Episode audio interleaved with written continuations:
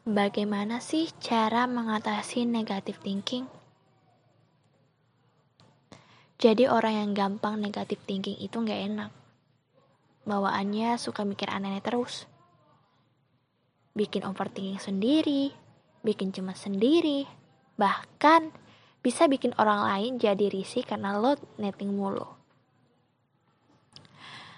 Keseringan negatif thinking bisa menimbulkan pertikaian antara lo sama diri, lo sendiri, bahkan orang lain.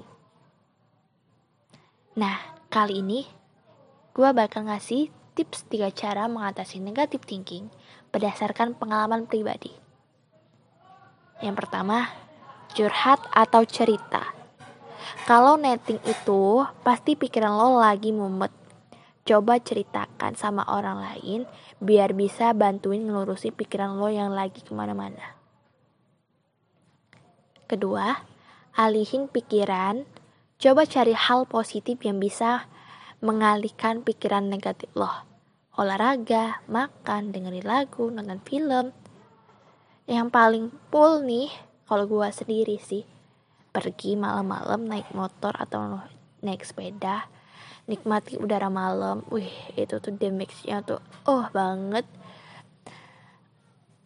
Tanpa lo sadari itu pikiran lo tuh jernih, lihat keramaian, lihat kesibukan orang-orang. Pokoknya mantep banget. Terus dan yang ketiga adalah tanya atau klarifikasi langsung.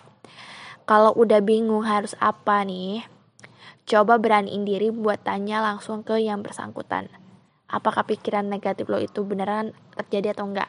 Ini nih um, yang tips ketiga ini nih sangat berpengaruh ketika lagi sedang dalam hubungan. Yeah. Misalnya si doi nih lagi ke mana nih?